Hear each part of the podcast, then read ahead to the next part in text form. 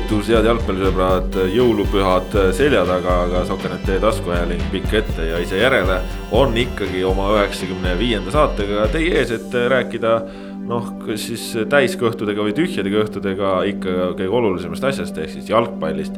minu nimi Kaspar Elisser, täna siin Ott Järvele. tere, tere, tere. ja Kristjan Jaak Kangur ka. tervist. no mehed, pühad selja taga, saite natukene jõulusid ka nautida või ikkagi tuli vaadata jalgpalli?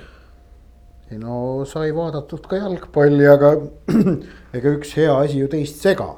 et sai vaadata jalgpalli ja sai nautida pühasid ja öö, minu jaoks on alati ikkagi see kahekümne kuuenda detsembri jalgpall, see on mul ikkagi selline no varsti juba veerandsada aastat saab, noh, tegelikult veel nii palju ei ole, aga noh, ütleme niimoodi üle kahekümne küll on mul ikka väga selgelt selline iga jõulupüha traditsioon olnud, seekord noh, sõpradega kokku ei saanud, mida me oleme ka päris sageli teinud, et noh, et aeg, aeg selline ei ole mõistlik.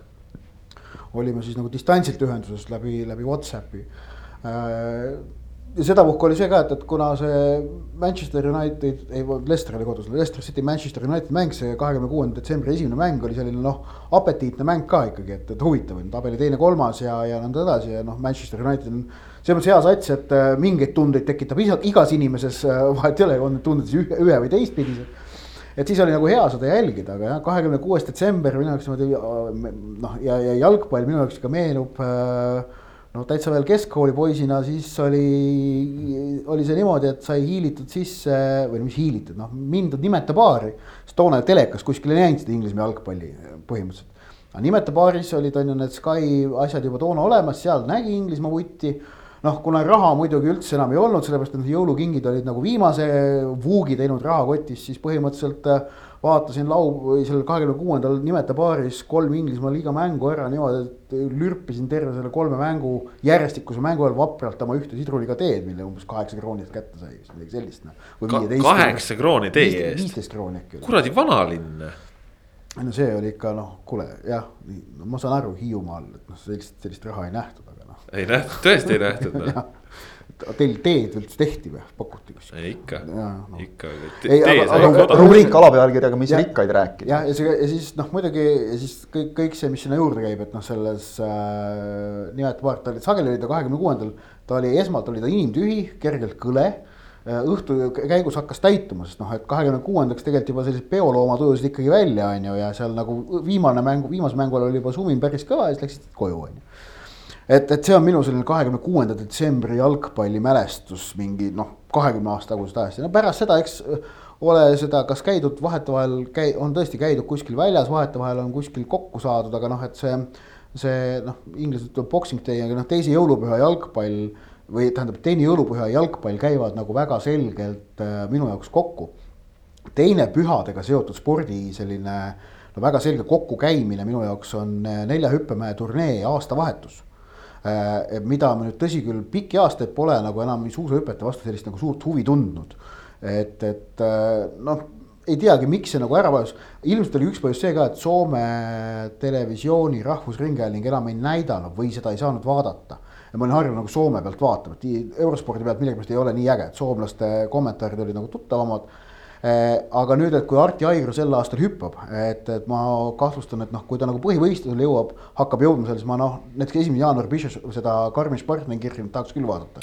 nagu kunagi oli, mul esimesel jaanuaril oli alati te, kodus telekasõda, et et äh, ülejäänud pere tahtis vaadata seda Viini uusaasta kontserdit ja mina tahtsin Karmen Spartenkircheni nelja hüppemäe turnee teist etappi vaadata. Kangur, kuidas sinul äh, siis praegu see pühad ja, ja jalgpall oma tasakaaludega läksid, et äh, vist jalgpalli poole kaldu? noh, jah, kui nagu jalgpall huvitab, siis nagu Ott ütles, et on seda väga lihtne sinnapoole kallutada, et see, see ei ole väga keeruline. loomulikult ka täpselt sama asi, traditsioon nagu minna sõpradega kuskile vaatama, see jäi ära sel aastal. aga noh, ütleme nii, et ma, ma nagu üritasin mitte liialt selle alla mattuda, aga kui sul ikkagi päev läbi ta telekast jookseb, siis on no meie ametis vaata ka, et kui palju sa saad äh, vaadata lihtsalt jalgpalli, ega, ega tihti nagu ei saa, et, et noh, ega siin, siin Järvelagi nagu äh, ütleme, et oli lausa nii tubli, et, et ta mitte ainult ei, ei vaadanud seda Leicester City ja Manchester Unitedi mängu, vaid suisa täitsa vabatahtlikult ka kirjutas sellest. jah yeah see oli positiivne üllatus. see oli väga positiivne üllatus, müts maha. et, et aga see jah, see, see on ikkagi saanud juba teataval määral traditsiooniks, et, et ma küll, küll samal ajal Otiga nimete paari ei, ei sattunud, et nii, nii suurt kihku tollal ei olnud seda, seda minna kuskile vaatama, aga aga noh, nüüd, kui, kui nagu tõesti kõik kätte jookseb, siis, siis, siis ta on kuidagi küll muutunud täiesti selliseks ma isegi ütleks üsnagi nagu lahutamatuks osaks, mis seda neljahüppemäe turneed puudutab, siis muide mina, ma pakuks välja, et sellega on läinud nagu paljude selliste klassikaliste asjadega, et äh, see igasugune spordi ja, ja muu, isegi ka muu meelelahutuse üleküllus on lihtsalt nii suur. et, et äh, ütleme, võib-olla kümmekond aastat tagasi, noh, ta oli, ta, ta oli selles mõttes eristuvam ülejäänud sellest massist, nüüd on neid asju niivõrd palju ja noh, ütleme sel aastal, kui me räägime jalgpallist, siis Inglismaa oli ju, ju pikalt ikkagi selline ka üsna selge nagu erand, et noh, praegu kui isegi isegi sakslased peavad nüüd mängima kohe uue aasta alguses, ei mingit sellist pikemat talvepausi ja noh, inglastel oli ka hea võimalus nüüd sel aastal koroonale viidates sellest ebaharilikust ja niigi sellisest poolimelikust veebruarikuusse kuskile surutud talvepausist ka kohe uljalt loobuda jälle et noh, selles, selles on mingi oma võlu minu jaoks just selles, et nad tõesti mängivad seal nädala sees kolm mängu ja, ja kogu aeg midagi tuleb.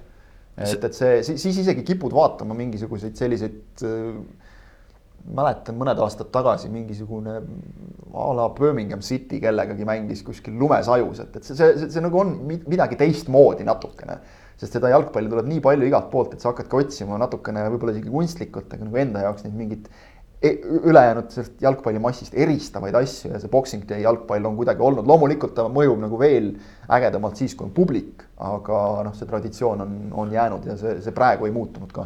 ja ta, ta ikkagi see Boxing Day jalgpall, ta, miks ta niivõrd nagu popp ja eriline on, et ta ikkagi muust spordipildist Euroopas ta ikkagi niivõrd selgelt eristub.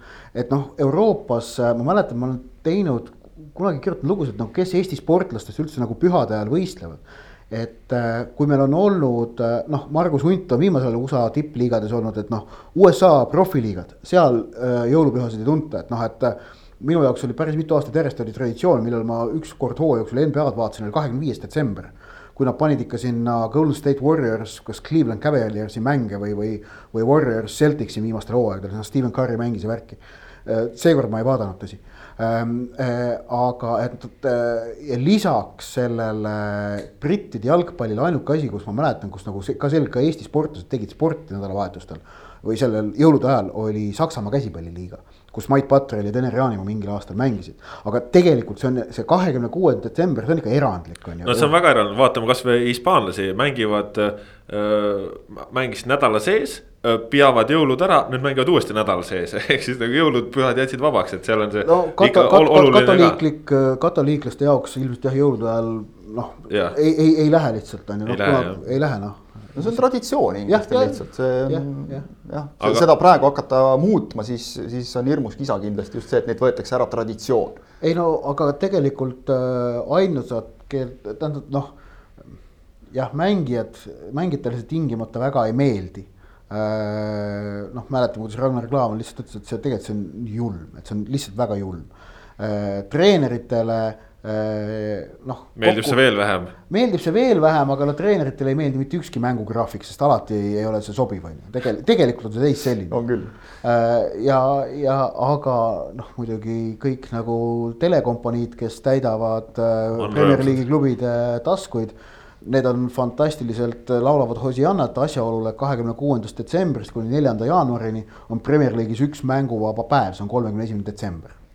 Jah äh,, aga mis puudutab veel äh, sihukest pühadaega jalgpalli, siis ma selle üle olen küll väga rõõmus, et sel aastal kodumaal aastalõputurniiri ei toimu, see on täiesti uskumatu, kuidas saabki isegi siis pühadele keskenduda, muidu on alati on pühade ajal see Kalevi spordihall ka kuidagi nagu sinna liidetud olnud ja, ja teeb seda nii logistikat kui ka igasugust olemist teeb nagu pingelisemaks, aga praegu sel aastal küll täie, täielik nauding, et äh, saabki nagu lihtsalt olla korras Eesti jalgpallis ka nagu täiesti pausi peal, et see on. ma arvan, et see kulub kõik, kulub kõigile ära tegelikult, et. no pärast seda hooaega, mis meil oli jah. seda pikka, seda pikka hooaega eriti. meil oli aasta aega hooaega.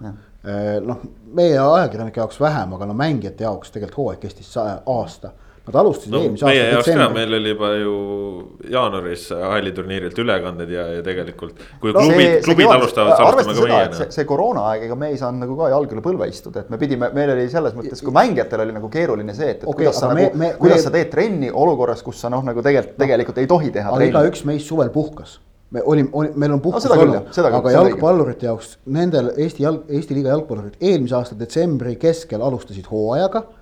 Ja äh, tegelikult pinge, see, et sa pead olema valmis igal hetkel, kas siis äh, noh, sest esimesed mm -hmm. kaks kuud tehti trenni siis koroona ajal sa pidid äh, noh, see teadmatus, see hoidis kindlasti pinges mm -hmm. ja siis sa mängisid edasi veel detsembrisse välja. jah, see, see on õige, ma pidasin seda silmas, et meil kevadel, eks ole, oli vaja ka nagu nii-öelda mitte millestki uudiseid teha, mis on nagu omamoodi jälle tegevus, aga jah, Otil on õigus, et meie saime võtta puhkust, jalgpalluritel on see puudu ja noh, me teame, kui paljud nagu just kasutavad seda detsembrit selleks, et võtta aeg maha, käia perega korraks kuskil, lihtsalt vahetada keskkonda, mis on on, on puhkuse jaoks oluline, seda ei olnud ja noh, vähemalt on praegu nüüd see, et said olla tõesti peret pühadega ja ei pidanud kohe jõululauast jälle kuskile trenni jooksma piltlikult öeldes. aga, aga mis muidugi selles mõttes puudutab seda aastalõputurniiri, siis see on nüüd tegelikult üks selline äh, huvitav mõttekoht, et kui me meenutame kasvõi näiteks Paide linnameeskonna lähenemist juba viimasel mitmel aastal sellele aastalõputurniirile ja asi, mis aina süvenes et, et äkki see on paras hetk aastalõputurniiri kuidagi nüüd, kui seda uuel aastal korraldada no aga, aga täiesti teises reform, aga formaadis. reformist oli ju tegelikult juttu ja Just, reform oli. Läheb ühepäevaseks vist Premium-liiga osas ja, ja kas lubatakse U kakskümmend üks võistkondadega osaleda või mingi selline. et nüüd on, nüüd on nagu täiesti tagumine aeg minu meelest nagu see asi suruda kokku, ta läks nii lohisevaks, et, et noh. ei, aga, aga samas aastalõputurniir kõik see, mis jääb nagu tippjalgpallist allapoole, seal, selle jaoks on see turniir ju väga hea võimalus, et kui, kui jalgpall ei ole töö. Seda küll. siis, et, et noh, et, et kui nagu tipp, tipud ei taha võib-olla seda enam, kas seal osaleda üldse või, või tahavad vähem aga osaleda. on, on ka tippjalgpallurid, kes tahavad seal väga osaleda., et aga äkki annab see siis võimaluse seal allpool natuke seda osalejate ringi isegi laiendada, sest seal ilm, seal vist aeg-ajalt on olnud ka neid, et noh, mõned soovid on ukse taha pidanud jääma. et noh, harrastajatel on selline formaat ju igati nagu muhe, et sul on tagatud hea korraldus. Miks mitte noh, kui vaja, et, et, et läheb liiga kulukaks, väikene osavõtutasu ei ole mitte midagi hullu.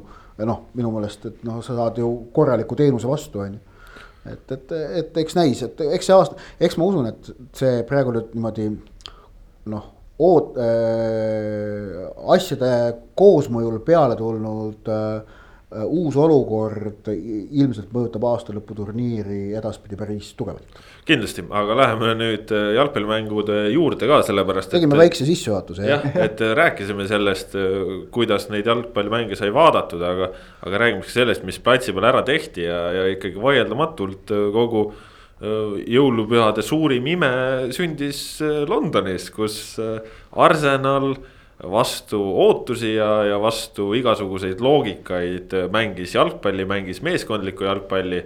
mängis seda olukorras, kus Pierre-Emerick Aubameyang äh, alustas äh, varupingil ja võitis Londoni Chelsea't, oma suurt rivaali aga no ma ei saa öelda, et see nüüd oleks olnud väga suur üllatus.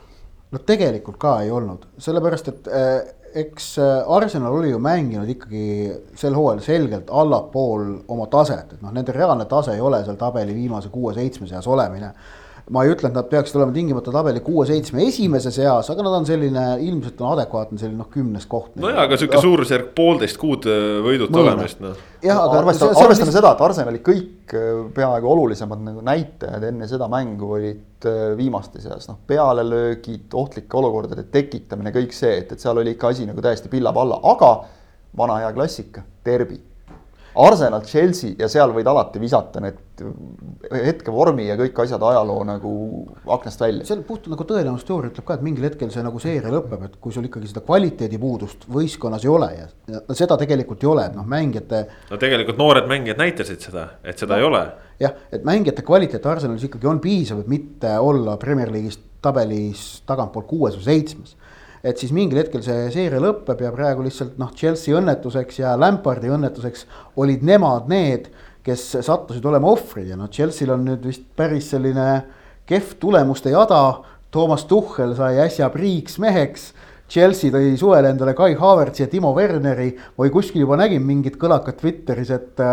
et, et kas Tuhhelit pannakse valmis Lampardi ametijärglaseks, on ju, et noh, ma no, usun, et siiski mitte. seda taht, ei näe juhtumas jah. noh, et, et samamoodi nagu Mikel Artetale antakse aega, sest ta, et noh, lisaks kõigele muule, et ta on klubi legend, et ka Lampard Chelsea's äh, ikkagi tal see hooaeg lubatakse lõpuni teha ja noh, kuigi tulemused on olnud viimasel ajal veidikene kehve, kehvemad, siis kokkuvõttes midagi ju kaotatud veel ei ole. Lampardil ja Chelsea'l on üks suur probleem, võtsin korraks praegu ette äh, selle hooaja mängud, Liverpool null kaks. Äh, Tottenhamiga okei okay,, karikas üks-üks, Southamptoniga kolm-kolm, Manchester United null-null. Äh, vaatame siit edasi, Tottenhamiga liigas null-null. Evertoniga null-üks, Wolvesiga üks-kaks, nüüd Arsenaliga üks-kolm ehk et äh, väiksemaid klohmitakse noh, sisuliselt nii, nagu ise tahetakse. meistrite liigas ka siin Sevillaga neli-null näiteks, äh, noh, samas suhteliselt mõttetus mängus. Aga suurte meeskondade vastu mingil põhjusel Lampard jääb hätta. ja arvestades seda, kui palju raha sellesse meeskonda on sisse pandud suvel, siis äh, ütleme, et tal on seal tõestada ikkagi veel päris palju okei okay,, Kai Havertzil oli siin ka vahepeal koroona, mis noh, ikkagi mõjutab päris tugevalt mängijat, ei ole Timo Werner ennast veel päris leidnud. Noh, Diego Silva võib-olla mängib oma koha nagu kõige kindlamalt välja lihtsalt nagu kogemuste pealt, Werneril ka, eks ole, tuled uude liigasse, pead ennast tõestama, see ei ole tema jaoks nagu nii tavapärane olukord. aga, aga ütleme, et seal on need, need suurimad küsimärgid, et Lampardi keegi selle hooaja jooksul nüüd vallandama hakkaks. selle jaoks peab midagi nagu väga valesti minema mida ma, ma ei näe nagu juhtumas tegelikult. aga äh, hooaja lõppedes, kui näiteks meistrite liiga kohta ei tule, siis võib küll minna jalgealune juba tuliseks, sest noh, me teame, Roman Abramovitš nagu nüüd üleliia pika süütenööriga mees ka ei ole tingimata. nojah, samas vaatame tabelisse on ju Chelsea kahekümne viie punktiga kaheksas oleksid nad võitnud, oleksid nad sihuke kolmanda koha, kolmanda-neljanda piiri peal on ju. ei no tabel on nagu ülitihe, sest et noh, neli punkti on, on teisest kohast. et, et seal, seal seda ei maksa nagu väga vaadata ja noh, isegi kui vaatame esikohast seitse punkti, see on nagu täiesti okei okay. Aga just, just see nagu nüüd ikkagi välja joonistuv muster, et suurte vastu ei saada hakkama aga, aga teisest küljest Lampard hooaja alguses, eks oli, oli peatreener, kelle meeskonna mängud tundusid lõppevat nagu kahte moodi, et, et kas kas kolm-null või null-kolm. et, et, et noh, ta, ta otsib ilmselgelt, tema treeneri kogemus piirdub ju selle ter-, taabis oldud ajaga, eks ole, et, et noh, see, see on napp. Ja, ja see oli teatav risk panna ta sellist hoopis teistsugust meeskonda, mis koosneb ikkagi nagu sellistest suurtest mängijatest ja siis teatavasti ka egodest juhendama. Lihtsalt endiselt nagu hooaja alguses huvitav on vaadata, kuidas ta sellega hakkama saab ja ma kordan seda oma mantrat, et ma loodan, et talle antakse aega, et, et see kõige lihtsam lahendus, laseme treeneri lahti, võtame uue, et, et see nüüd ei hakkaks siin, siin jälle, jälle nagu kaasa mängima. aga Arsenali puhul on noh, jällegi nüüd vaja näidata, et kas see oli ühekordne sähvatus. väga huvitav on Arsenali puhul minu meelest vaadata seda, kas need kogenumad mehed, kes praegu istusid pingil ja kelle asemel noored mängisid algkoosseisus, osaliselt sunnitult kas mm. need kogenumad mehed nüüd tuuakse tagasi või lastaksegi nendel noortel Pablo Maridel ja, ja, ja Holdingutel ja, ja Rose Smithidel ja kõikidel nendel seal oma need, need noh, neid vigu kindlasti tuleb veel, kas neil lastakse need vead ära teha, et kui lastakse, siis see oleks, see oleks pigem äge. Premier League'is seni... rõõm, ma vabandan. Premier League'is on senise hooaja jooksul vallandatud ainult üks treener äh,. endiselt, kuigi meil on mängitud viisteist vooru äh,. Slaven Bilic sai West Bromwich Albionist on ju kinga ja ütleme, tulemused, mis, mida treeneri vallandamine kaasa tõi, olid muidugi hiilgavad. ja eks näis, kas see siis innustab siin teisi klubijuhte eeskuju jälgima, sellepärast et Sam Allardyce'i juhendamisel esimeses mängus West Bromwich läks külla Liverpoolile ja sai üks-üks viigi ja võib vist öelda isegi teenitud üks-üks viigi selle nagu esituse põhjal ning, ning kui ma enne mängu vaatasin äh, kihlveokontorite pakkumisi sellele mängule, siis ma ütlesin kohe, et seal on nagu West Bromwich on selgelt alahinnatud. West Bromile pakuti võidukoefitsienti kakskümmend kolm ja viik oli vist üheksa pool või?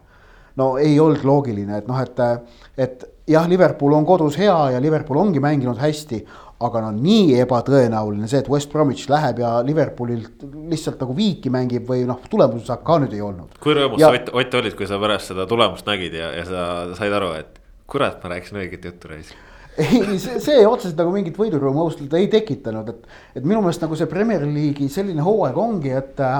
et on selle, kuidas öelda, üllatuskohtade haistmine Äh, on, on selles mõttes nagu huvitav, sellepärast et noh, neid on tegelikult päris palju, kus nagu võib kärgatada. et, et aga, aga see ei ole nagu midagi erakordset, et mõnele sellisele asjale pihta saad ähm,. aga noh, järjekordne tõestus sellest, et me siin tabelil noh, ma tahaks loota, et ennem kahtekümmet viit vooru, ennem seda, kui kakskümmend viis vooru on mängitud Äh, tabelis olulisi muudatusi selles mõttes ei toimu, et tabel püsib tihedana, tabel püsib ühtlasena ja noh, ideaalis püsib ta sellisena, kus veel kahekümne viienda vooru järel me vaatame, et kurat, kuuendal-seitsmendal kohal olev sats. et noh, stsenaarium meistriks tulekuks on olemas isegi veel neil. jah, see oli see, selles plaanis tuleb nagu Sam Allardyce'ile kõigil minu meelest teha praegu väga suur kummardus, et äh, oli tegelikult nüüd see oht, et siin teised ka, kes kaotas, kes viigistas äh,. et Liverpool tõmbab eest ära. Liverpool läheb eest ära see, see oli nagu praegu täpselt see koht, et nüüd hakkab Liverpool minema, et tegid oma selle seitse-nulli siin Crystal Palace'ile ja, ja nüüd saavad hoo sisse ja lähevad. aga eks Liverpool tegi selle klassikalise vea, et, et noh, täpselt see tihepühade periood, hakkad juba mõtlema, et nii, mänge tuleb, natuke peaks vist hoidma. ja teine võistkond, kellel ei ole mitte midagi kaotada, seisab kaitses ära ja siis ühe korra nõelab. et noh, ega Liverpool ainuke ei olnud, kes selle reha, reha endale kahe silma vahele kinni jooksis sel, selles voorus, et äh, Tottenham ju samamoodi tegelikult. lõid kiirelt ära kohe esimesel minutil. Woolsiga mängisid. just ja, ja, ja tegid, Murillo tegi oma klassikalist. ehk et äh, ütleme, et olles Manchester Unitedi mänge elu jooksul mõnevõrra rohkem jälginud kui teisi meeskondi, siis väga tuttav tuli ette et, et samasuguse, samasuguseid asju tegi ta seal, et, et see omal ajal töötas tal Chelsea's. minu meelest pärast seda ei ole töötanud eriti mitte kuskil nagu see, et, et iga kord, kui ta seal siis üks-nulli on läinud hoidma, siis ta on ka nagu vähem või rohkem valusalt vastu näppe saanud. ja, ja Tottenhami puhul muidugi üks asi on suhteliselt hämmastav, on see, et äh, ka nüüd liigakarikasarjas näiteks Harry Kane mängis üheksakümmend minutit. ja seda on olnud viimastes mängudes selgelt näha, seda oli näha juba kaotuses vot nüüd on Murillo jaoks nagu selline esimene tõehetk Tottenhamis, et, et paljud kiitsid, et näed, et Spurs mängib nagu tema käe all sellist päris mõnusat lahtist jalgpalli. täitsa tore on vaadata kohe, ei ole ainult kaitsest lähtuv. nüüd on järjest tulnud mängud Lesteriga, mis oli noh, kole otse öeldes. no Lesteriga on kõigi mängud koledad mitte tingimata, see oli ka aeg, kus tegelikult sel hetkel just Lester oli natukene ka nagu ebastabiilne, nad olid ise seal tappa saanud vist kaks tükki järjest ja, ja, ja noh neil oli nagu tõestada vaja. ja, ja mängiti kuidagi tujutult, ilmetult. enne seda veel oli äh, Crystal Palace'iga üks-üks viik, mis oli täpselt samasugune mäng, mindi juhtima ja jäädi hoidma seda edu ja, ja üsna tükk aega oli juba selge, et äh, see värav on õhus ja ta tuligi ära selle viimase kümnekonna minuti jooksul, kui mälu ei peta mm. -hmm. ja siis oli minu meelest üks mäng oli neil veel vahepeal, mis ah,, muidugi see oli Liverpooliga, eks ole, mis, mis ka nagu noh, ei olnud võib-olla ütleme, selles mängus võis kõige rohkem mõista Murillo taktikat ja, ja seda loogikat, sellest me eelmine kord ka rääkisime juba natukene, aga, aga seal, seal ta ütleme, võib-olla tegutses õigesti, aga ikkagi löödi neile jälle ära. Ja nüüd on nii, et, et peaks vist olema viiest mängust üks võit. et noh, selged küsimärgid ja just mängupildi poole pealt ja see, et, et Heung-Min Son ja Harry Kane on silmnähtavalt läbi omadega, nad ei jõua lihtsalt enam ja, ja tegelikult just Spursil peaks nagu olema nüüd võrreldes mõne aasta taguse ajaga pink pikem, meeskonnas sügavust rohkem.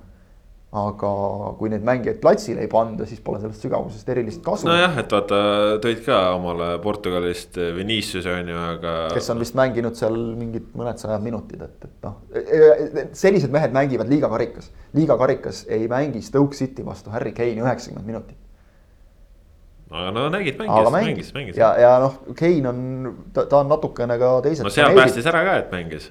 jah, aga ta on ka natuke teiselt planeedilt oma, oma vastupidavusega muidugi, et, et nad on siin mänginud, Keynes-on on mänginud neid Euroopa liiga mänge kaasa.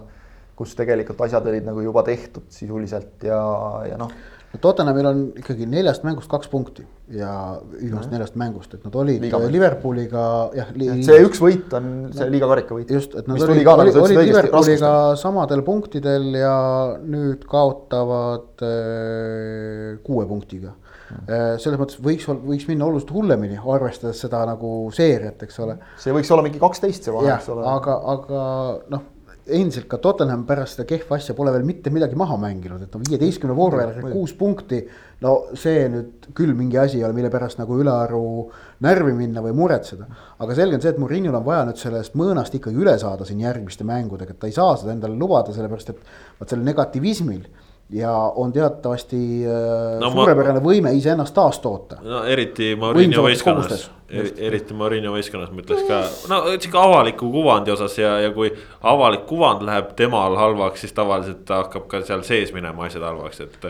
tal, tal nagu sihukest vahepealset varianti ei ole, et, et kui läheb, siis. nagu avaliku, Murillo avaliku kuvandi osas mind nagu kunagi. ma, ma, ma ei mõtle isegi Mourinho oma, ma mõtlen üldse, mis klubile. aga ma mõtlen, mis puudutab Murillo avalikku kuvandit, siis mind ajab ääremärkusena ajab, kunagi ajas ka hirmsasti närvi, kui ta veel Chelsea's oli. Nüüd ajab ammu juba muigama, kuidas äh, viskab konksu välja ja neelatakse alla. halb mäng, Murillo hakkab ajama äh, teinekord nagu täiesti ebaolulist joga millestki suva, suvalise koha peal hakkab rääkima näiteks kohtunikest või hakkab rääkima millestki hoopis kahekümne seitsmenda järgulisest asjast ja, ja kõik keskenduvad sellele, ehk et meeskond jäetakse rahule.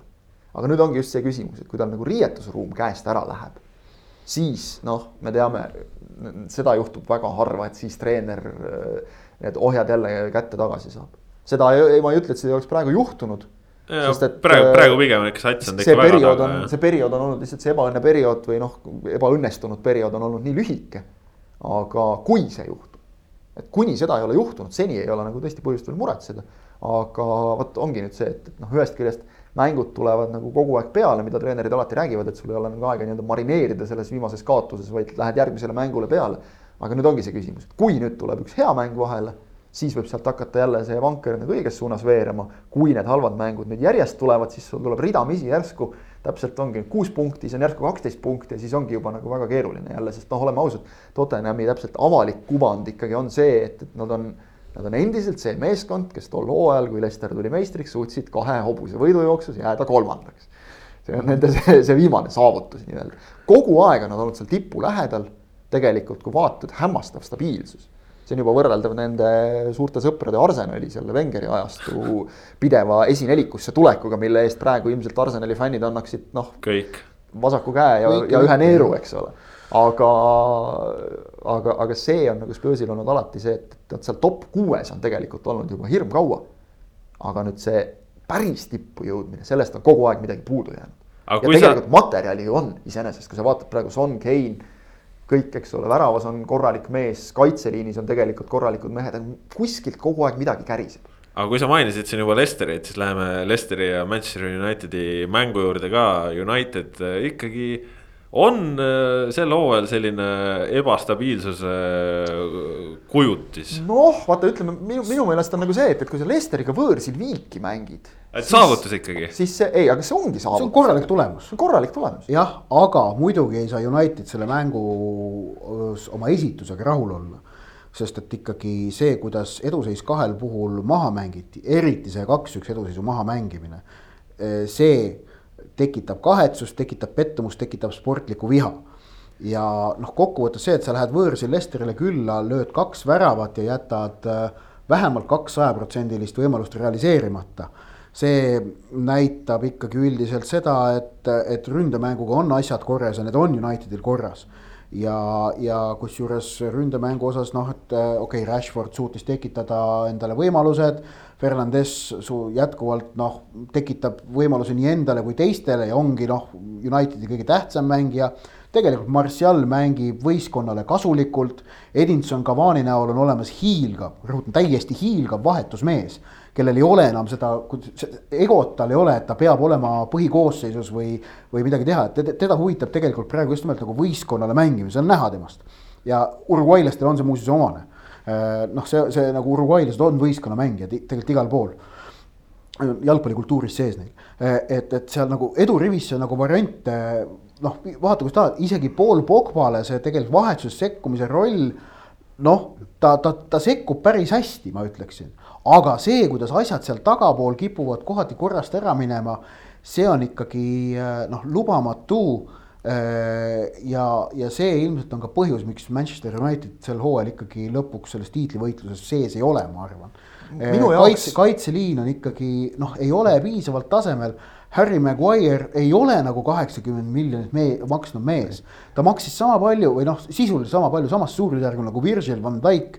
aga kui sa vaatad nende kahe mehe nagu kasutegurit ja, äh, ja, ja seda, kuidas nad on suutnud oma võistkonna mängu muuta siis noh, seal on ikkagi äh, haigutab, äh, haigutab ikkagi kuradi ma suurem kuristik kui see, mille kohta Sean Dyche äh, läks ja ütles, noh, siin auk maa sees aitab, nägin ära, lähme minema. ta ütles seda Suure kanjoni kohta, kui ta käis seda vaatamas. ma mõtlesin, et sa kuristikust rääkides tood mingi kodumaa jalgpalli paralleeli, aga okei okay.. ei, ei too. jah, ütleme, et on, on suurem auk kui see, mille suutis hooaja siin lõpus Trevor Elhi jätta Lilleküla staadionisse.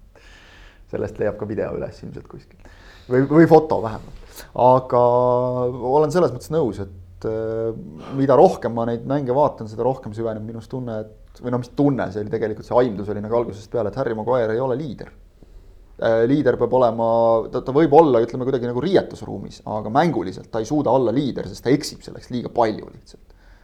ta, ta tekitab ebakindlust minu meelest kaitseliinis, võtame isegi, kui me võtame sellest. minus ka kaheksakümne miljonilisest hinnasildist, noh, selle klassikalise inglase pluss kolmkümmend protsenti, midagi ja, maha. pluss äh, Manchester Unitedi kakskümmend protsenti. et no võtame sealt, jätame, jätame ta, jätame ta hinnasildiks, ütleme a la mingisugune kolmkümmend, nelikümmend, isegi siis on nagu see, et, et ta ei ole sellele klubile minu meelest vastav mängija ja ütleme.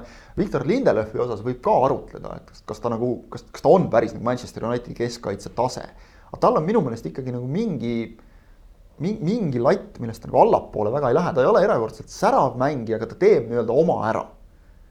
aga, aga ütleme, põhiprobleemid on ikkagi kaitseliinis ja selles kaitsepaaris on mingisugune kord ühel, kord teisel, sellist, et oleks mõlemal nagu väga hea päev, selliseid mänge on, kipub nagu harva olema. et seal, see kaitseliinist nagu algab see mingisugune ebakindlus mis, mis laieneb kogu ülejäänud võistkonnale ja noh, ütleme, et eriti kui sa siin veel vaatad, et ka väravavahid on teinud eksimusi, nüüd ongi see küsi-, miljoni dollari küsimus, et kas need eksimused tulenevad, väravavahtide eksimused tulenevad sellest, et kaitseliin nende ees ei ole piisavalt kindel või ei ole kaitseliin sellepärast kindel, et väravavaht taga eksib. Need on asjad omavahel seotud väga selgelt. tõenäoliselt ja, nii seda kui teist. jah, aga jah, et ma olen nõus, et Harry Maguire meenutab juba praegu natukene Phil Jones'i, aga erinevalt Phil Jones'ist, kes ennem tegi kuskil, kuskil ennem kui ta praegust Phil Jones'i hakkas meenutama, tegi kuskil niimoodi kuus-seitse jumala korralikku hooaega.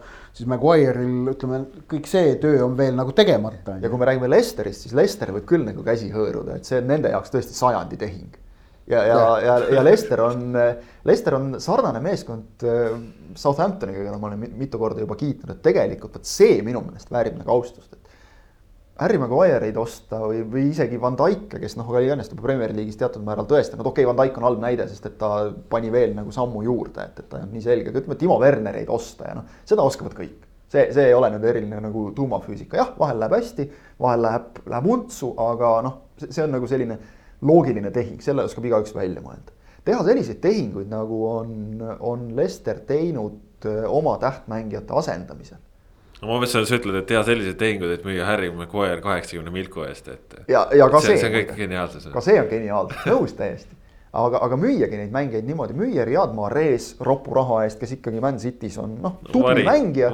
aga üks paljudest, sihuke rollimängija, ta ei ole ta ei ole staar, ta oligi, ta sai olla staar sellises natukene väiksema kaliibriga meeskonnas. mis on ka omamoodi irooniline, kui me vaatame nüüd liigatabelisse, eks ole, kus on Man City ja kus on Leicester praegu. aga, aga, aga müüa neid mehi, eks ole, müüa on Kolo Kante näiteks eh, noh, üks suurepärane diil on veel Danny Drinkwater, kes nüüd tegeleb sellega, et, et noorteliigas peksab alaealisi jalgpallureid jalaga, eks ole, ja ja, ja korjab Chelsea't eh, hirmsat pappi vist ühe aasta veel, kui ma ei eksi, peale tänavust viieaastane leping ja, ja mängida on saanud seal Premier League'is Chelsea eest vist, kas tuli kahekohaline arv mänge kokku, vist tuli esimese hooaja pealt, kus ta natukene sai peale. et sellised noh, tõmbed ja tuua. Jaglarse Jüntši, kes on, äh, kui ma võin eksida, neid koosseise valitakse nii palju, aga minu meelest valiti ametlikult eelmise hooaja vist sinna Premier League'i. no ta on ikka väga hinna-. väga, väga, väga, väga, väga hinnatud ja ikka tõesti nüüd, tahetakse teda. Äh, kui Sõntši on vigastusega väljas, toodi noor Wesley Fofana, kes mängib väga hästi. kes on ilmselt järgmine selline tõusev täht. et, et vot see on oskus, leida neid mängijaid, kes, kelle sa tood Premier League'is selgelt nende senisest tasemest kõrgemale ja nad suudavad seal veel juurde panna. ja vot see on ja, ja väga vähe eksida kusjuures selliste toomistega ja samas, kui eksid, noh siis ei juhtu midagi, kui sa, kui see viie miljoni eest toodud mees. suvaline näide tuleb veel meelde West Hamis äh, äärekaitse Tšufal, kes on nagu väga hästi pilti tõusnud või Toomas Suutšek, et noh, tuuakse kuskilt Prahast, Spartast mehed viie miljoni eest, kes mängivad nagu kulda. vot see on see, mis nagu avaldab, avaldab muljet nende meeskondade puhul jah, vot äh, nii palju rääkisime Inglismaa jalgpallist, aga tegelikult äh, siin äh, jõulude aegu tuli üks ilus kingitus ka Prantsusmaale ühele kenale saksa treenerile. ametlikult sellest küll veel nagu räägitakse kuidagi tükati ja pigem mitte, aga, aga Toomas Tuhhel pärast siis neli-null võitu BSG eesotsast on väidetavalt siis suusad saanud ja ja ei teagi nüüd, et kas see oli siis kommunikatsioonikrahh, mis ta minema viis või, või mis seal asjad äh, taga oli, kuidas teile tundub? mul on tunne see, et, et vaata Pariis Saint-Germain on ennast teinud klubiks. ehitanud öö, äh, selle suure rahaga, mis neile Katarist tuleb, klubiks. mis äh, muuhulgas vajab seda, et, et elu ei tohi seal olla liiga rahulik tegelikult ka, neil on vaja seda, et nende ümber käiks kogu aeg sibin ja sabin. ja, ja kuna praegu seda sibinat ja sabinat erinevate muude asjadega noh, pole väga tekitatud. kuigi mängitud on ju väga okeilt, meistrite liigas saadi keerulisest alagrupist edasi, kuigi alustati halvasti, aga saadi keerulisest alagrupist edasi. see, kus Leipzig ja Man United on sul vastas, sealt edasiminek, noh, ei ole midagi kobiseda. Äh, Prantsusmaa liigas jah, ollakse väärat vääratusi on tulnud palju rohkem kui tavaliselt, aga noh, kõrges mängus oleks endiselt sees ja ilmselgelt tiitlisoosikud number üks on ju. et, ähm, et äh, see oli ilmselt muuhulgas ka BSG juhtkonnale mugav hetk treeneri vahetamiseks, et need teatud vääratused Prantsusmaa kõrgliigas ja, ja meistrite liigas, ütleme ka mitte nüüd täiesti ideaalne äh, sooritus. meistrite liigas andsid võimaluse äh, teha seda, mida BSG tahab niikuinii Eh, teatava regulaarsuse tagant eh, teha, ehk et BSG on ju kujundatud ennast klubiks, kes ei tahagi. ja kellele ei sobi see, et neil on peatreener ametis eh, pikalt ja kujundab väga selgelt oma käekirja järgi seda võistkonda ja klubi. vaid neil peab olema ikkagi niimoodi, et treener peab teenindama klubi visiooni. ja ja noh, selles mõttes oli sobiv hetk treeneri vahetuseks, Pochettino näol. Oli turul olemas väga ahvatlev variant Äh, ja ütleme oht, et, et seal kas siis Manchester United või äh, Madridi Real ikkagi mingil hetkel otsustab hoopis ise Pochettino endale meelitada, oli ju ka olemas ikkagi, noh, seda ei saanud välistada. et BSG, ma arvan, ilmselt otsustas, et, et aga noh, miks ka mitte ja see noh, siin anti tegu, teada. tegu ju kunagise BSG mängijaga, nii et seal on see ka slepp juures. seal anti teada, et noh, kuus miljonit on see valuraha, mis Tuhhelile lepingu või noh, vallandamise eest makstakse, noh, see ei ole BSG jaoks probleem, oleme ausad, mitte ühestki otsast. aga Kangur, see, see, see asi, et, et see kõik räägivad, aga, aga klubi mitte. no see on narr selles suhtes, et, et kui ikkagi juba nüüd, nüüd on noh, ma ei tea, varsti, varsti hakkab nädal saama juba, et mitu päeva on möödas, pool nädalat on möödas, et, et äh, mingi pressiteate võiks ju välja lasta ikkagi. Äh, ma, ma kahtlustan, et siin taga võib olla midagi sellist, et kuna Tuhheli leping on, oli, kehtis hooaja lõpuni et siin on nii-öelda Messi case vol kaks ehk et hakatakse kuskilt seda väikest kirja lugema ja avastatakse, et oot-oot, et kui me kahe tuhande kahekümne esimese aasta sees, kui avaneb ju tegelikult üleminekuaken ja kõik, et kui me talle siis kinga anname, siis me peame talle vähem maksma või noh, midagi sellist, et see, see võidi kuskilt leida. kuigi nagu raha ei tohiks olla e, probleem, aga ma arvan, et seal, seal on üks väga oluline klausel on veel e,. nagu sa ütlesid, et seal klubis peab kogu aeg olema mingi selline terav üleval nii-öelda ja see terav on olnud üleval tegelikult juba tükk aega kõikide noh, klubi siseelu tundvate inimeste sõnul Tuhheli ja spordidirektori Leonardo vahel. et seal võib täiesti vabalt olla ka see, et, et Leonardol on selles klubis suur roll ja ta kuidagimoodi praegu nagu blokib seda teavitamist. noh, oleks nagu loogiline, et, et BSG-le käib ka võib-olla natuke au pihta, et meil treener läheb ära ja me veel uut ei saa välja kuulutada, et nüüd siis nagu oodatakse seda, et, et saaks siis, saaks siis öelda, et Tuhhel läks, Pochettino tuli aga noh, see, see muutub narriks, kui Kylian Mbappe on juba mitu päeva tagasi soovinud, tänanud treenerit ja soovinud talle jõudu edaspidiseks ja ja kiitnud teda ja, ja kõik, kõik räägivad, kõik kirjutavad, kõik informeeritud ajakirjanikud kirjutavad kindlas kõneviisis. kõik portaalid, kes muidu kõlakaid ei avalda, kirjutavad kindlas kõneviisis, et Toomas Tuhhel lahkus BSG peatreeneri kohalt ja klubi ise on vait et see on just huvitav, et, et noh, tegelikult klubi, kelle jaoks just see nagu pildis olemine on oluline, avaldab endiselt oma Twitteris eelmise aasta ilusamaid fotosid, paremaid väravaid, soovib aga, kellelegi õnne sünnipäevaks. aga äkki see on ka. aga sellest mitte sõnagi. aga äkki see on ka taotluslik, et olekski terav üleval ja et räägitakse sellest, et miks nad ei räägi. ei saa välistada kusjuures, et, et uudis võib olla ka see, et uudist ei ole. Ei saa välistada, et noh, see, see on, Otil on selles mõttes õigus, et BSG toimib natukene mingite teiste loogikate alusel. Jah, ja, ja, ja eks ähm, eks see näide, et nüüd Tuhhel, kuigi noh, tulemustele pole midagi ette heita, sest noh, ta viis võistkonna meistrite liigas finaali. ja ma ütleks nii palju selle kohta, et koduliigas on äh, kaotusi, kas nüüd oli sama palju või isegi rohkem kui terve eelmise hooaja. ja, aga nad alustasid kahe. no eelmisel hooajal nad võitsid ka ebanormaalselt palju. kahe kaotusega siis, kui neil oli seal pool no, sats, pool satsi olid koroonakaudis ja mängisid noh, lastega tegelikult. on etteheide võtta kohe. Te pole isegi liidrid ju. no ja, ja aga noh, tegelikult ütleme tulemuste osas nagu noh ei ole, no ütleme, tulemuste osas saab ette heita Mikel Artetale või, või isegi midagi sellist nagu Frank Lampardile või, või, või Peep Guardiolale. et noh, Tuhhelile sarnaseid etteheiteid teha pole võimalik, on ju. Äh, aga, aga eks, eks see äh, ütleme, selline BSG äh, tüüpi klubide esiletõus, ma pean siis silmas selle klubi majandamismudelit, filosoofiat tegemist on ju Katari suure mainekujundusprojektiga. tõsi, sellest äh, saavad kasu ka Pariis ja Prantsusmaa, aga noh, seda rahastab Katar. Äh, et see nõuab ikkagi sellelt peatreenerilt lisaks nagu jalgpallilistele oskustele ikkagi väga selge ikka sellist, ütleme, poliitilist vaistu.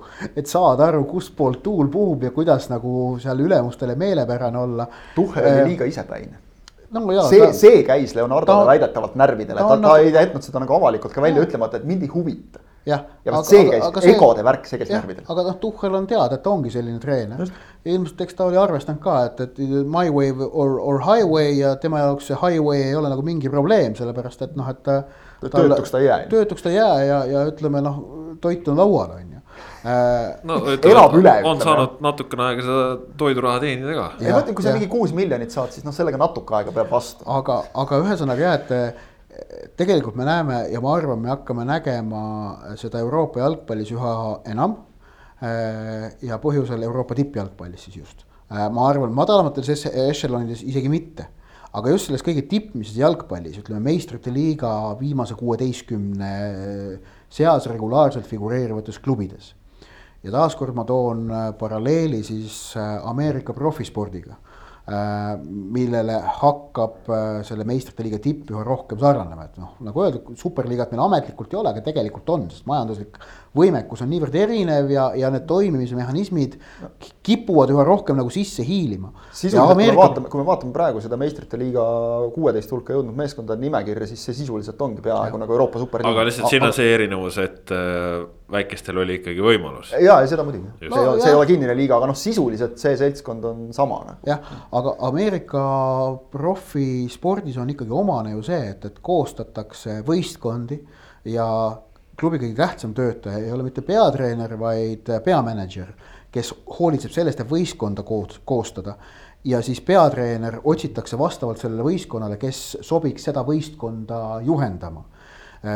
noh, Ameerika pesapallis näiteks on seis selline. kõlas nagu FC Flora ka noh, Ameerika jalgpallis näiteks on, või Ameerika pesapallis on näiteks see, et noh, peatreenerite palgad äh, on noh, mängijate omast kohati kümme korda väiksemad mm., staarmängijate omast.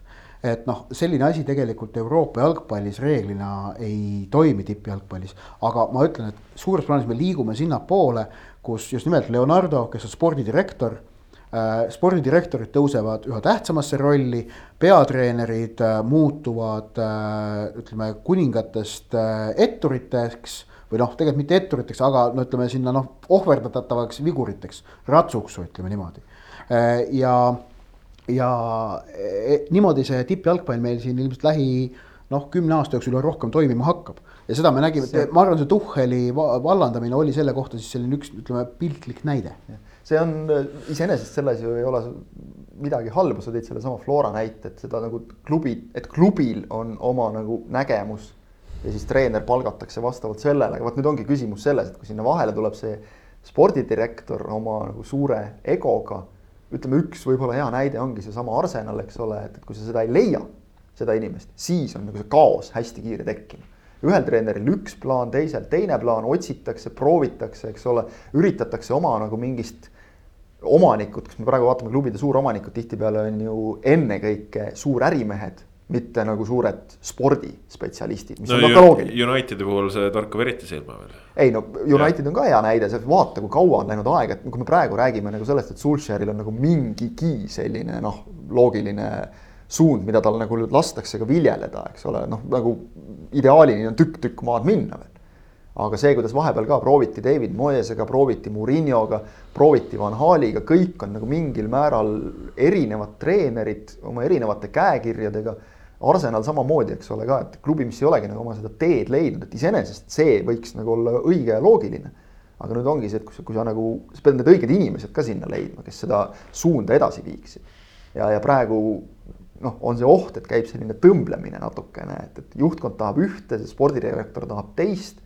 ja, ja siis leida sinna neid õigeid treenereid, ega, ega see treeneri töö ka on ju ütleme muutunud selles mõttes muutunud, et kui toome kasvõi selle, need Fergusonid, Wengerid, nad olid kõige paremas mõttes autoritaarsed. isegi Murillo Chelsea's oli ikkagi treener, oli A ja O. mängijatel noh, ei olnud selles mõttes sõnaõigust, tahad mängida, siis mängid nii, nagu treener ütleb või lähed. praegu me ikkagi näeme aina rohkem seda, et, et noh, mängija ütleb ja ma ei pea siin silmas nagu neid jutte, mis Messi kohta käivad, aga et noh, peatreeneri tööst räägitakse, et. Iker rääkis ka jah, vot see oli, see tuli mulle üllatusena, kui Iker Casillas-sugune vend arvab, et, et on mingid mängijad, kes peaksid nagu saama ise valida, millal nad mängivad, aga ütleme, kui me räägimegi praegu nüüd BSG uuest peatreenerist, me räägime esimese asjana räägime sellest, et kuidas ta need suured mängijad seal nagu kokku ühte meeskonda mahutab ja, ja nad üheskoos tööle saab, et tegelikult peaks olema nii, et tuleb treener, ütleb nii, nüüd me teeme niimoodi. Ja Neimar mängib ka niimoodi ja, ja teised vennad mängivad seal samamoodi ja, ja Paredes üldse ei kobise, eks ole et, et äh, see, see on nagu muutunud, et treenerile seatavad ülesanded minu meelest vähemalt võib-olla siis väliselt, võib-olla see meeskonna sees ei ole päris nii, on erinevad, need on muutunud. ei no aga tegelikult ju on muutunud, kui me vaatame võib-olla viimase kümnendi Euroopa edukaimat võistkonda Real Madridi, siis Zinedine Zidane ongi ju oma edu saavutanud selle pealt, et ta suudab võistkonda ja staare juhtida siiski et... ma tahaks, tahaks öelda, ma tõin ennem selle on ju Põhja-Ameerika näite, et ma, ma siiski seal pean ütlema, et, et see ei ole ainukene lähenemine, ainumõeldav lähenemine, millest ma ennem rääkisin pikalt. et seal näeb ikkagi ka vastupidiseid näiteid, kus on nagu väga selgelt treenerikesksed süsteemid mm. -hmm. New England Patriots, kõige edukam Ameerika jalgpalliklubi viimase kahekümne aasta jooksul, on selgelt peatreeneri Bill Belichicki keskne noh korvpalli ma nii hästi ei tunne, aga mul on tunne, et, et Golden State Warriors on ikkagi väga Steve Kerri kesk. no parim näide on San Antonio Spurs, eks ole, et sa ei lähe Popovitši kangutama, kui, kui yeah. eks ole, seal on natukene see, et nagu venelased ütlevad, eks ole yeah., asi toimib, siis ära näpi.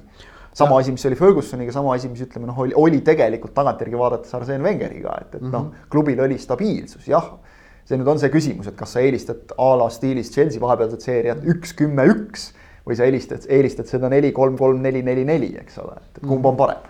aga aga see, see on jah, noh, see üleüldine see vaata see sihuke rapsimine ka nagu see, see natukene noh, peegeldab ikkagi ka seda, et, et, et, et tahetakse nagu, eks see juhtkond on ka vaata, need on suurärimehed, juhivad paljud klubisid, kes on harjunud ise tegema suuri otsuseid. ja nüüd nagu loovutada nii nagu ütleme noh, Fergusonile loovutati omal ajal see, see õigus, Zidane on hea näide, et ta ei ole ise ka absoluutselt, tal puudub see pretensioon, et ma tahan olla see A ja O, ta on hea meelega see vend, kes seal seisab, tõmbab ühte niiti natuke siit, teist sealt. aga vaata, samas ongi, et kuna, kuna, kuna ta on jah mängijana nii palju saavutanud, siis teda hinnatakse selle nurga alt nii kõrgelt, aga noh, eks see näitabki suures plaanis seda, kuidas ongi tänapäeval siis see treeneri roll üha ja üha enam muutub ja nõudmised treenerile ei olegi enam ainult siis ütleme sportlikud või, või, või pelgalt sellised, et, et kuidas suudad taktika paika panna, et. et noh, ütleme see ka ütleme, et erinevate osapoolte vahel ka näiteks avalikkusega suhtlemine selles mingi kuvandi omamine, et siin on ju meil näide omaenda Eesti A-koondise juurest, kus noh.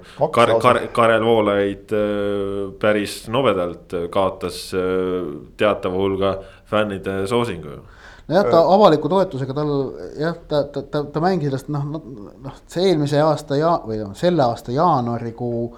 Noh, see Dunjovi juhtum, kus, kus ta nagu võttis seisukoha, mis, milles võttis nagu tarbetult kategoorilise seisukoha selle asemel, et äh, öelda lihtsalt, et äh, jah, kindlasti on tal võimalus A-koondisesse jõuda, jälgin huviga nõnda edasi.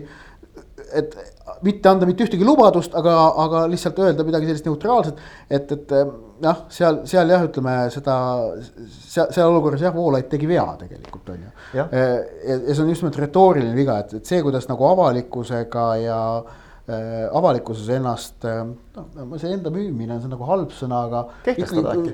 jah, kehtestada, kuidas nagu ikkagi äh, noh, see siin me muidugi nüüd läheme natukene, et jah, et koondise jalgpallis on see eriti tähtis, et kuna seal on peatreeneril, kuna kontakttunde võistkonnaga on väga vähe, siis nimelt avalik retoorika on üks väga tähtsaid variante, kuidas oma, kuidas oma, kuidas öelda, agendat tutvustada, isegi kehtestada Äh, noh, klubi jalgpallis on treeneril seda lihtsam teha, on ju, tal on võistkond kogu aeg käes.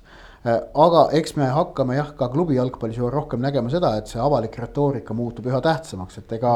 ega Murillo ilma naljata pole see mõttemängude meister on ju olnud omal ajal, kas ta nüüd ka veel on, eks me siin selle hooaja jooksul saame teada. ta üritab olla, aga ja. mulle tundub, et, et noh, vaata ongi natuke see, et see on läbi nähtud, seda, seda on ta nii kaua juba teinud seda ja, ja see noh, paljud lähevad veel õnge, aga aga ta on seda jah, veidike nagu, ta on natuke kinni jäänud mingitesse oma stampidesse, et sa juba tead, et kui tuleb kaotus, siis Murillo hakkab ajama sellist juttu. ma tooks teise näite veel Eesti koondise juurest, Eesti koondise siis ma ei tea, noh, ütleme veel siis eelmine, kui noh, Olaid on ametis hetkel nagu ametlikult veel mõned päevad. et, et siis enne, enne teda tema eelkäija Martin Reim sai näiteks ka lõpuks vastu pead selle eest, et mis asja ta naeratab seal intervjuudes kogu aeg et noh, kes nagu Reimi teab ja on temaga suhelnud, teab, et ta on võimeline, see ongi talle lihtsalt selline noh, omane joon ta ei ole kindlasti pehme inimene. ka treener pehme kindlasti mitte. ta on võimeline ütlema noh, naeratus näol väga teravalt oma meeskonna mängijate kohta, kui on põhjust öelda. kindlasti ütleb ta seda riietusruumis, aga lihtsalt väljapoole jäi see kuvand, ma nüüd ei ütle tingimata, et peab ennast muutma, aga see on lihtsalt nagu hea näide sellest, et kui kiirelt hakatakse kinni mingitest pisiasjadest, eriti veel tänapäeva nagu noh, sotsiaalmeedia ajastul, kus, kus iga arvamus võimendub kommentaariumites, Twitteris, kus iganes.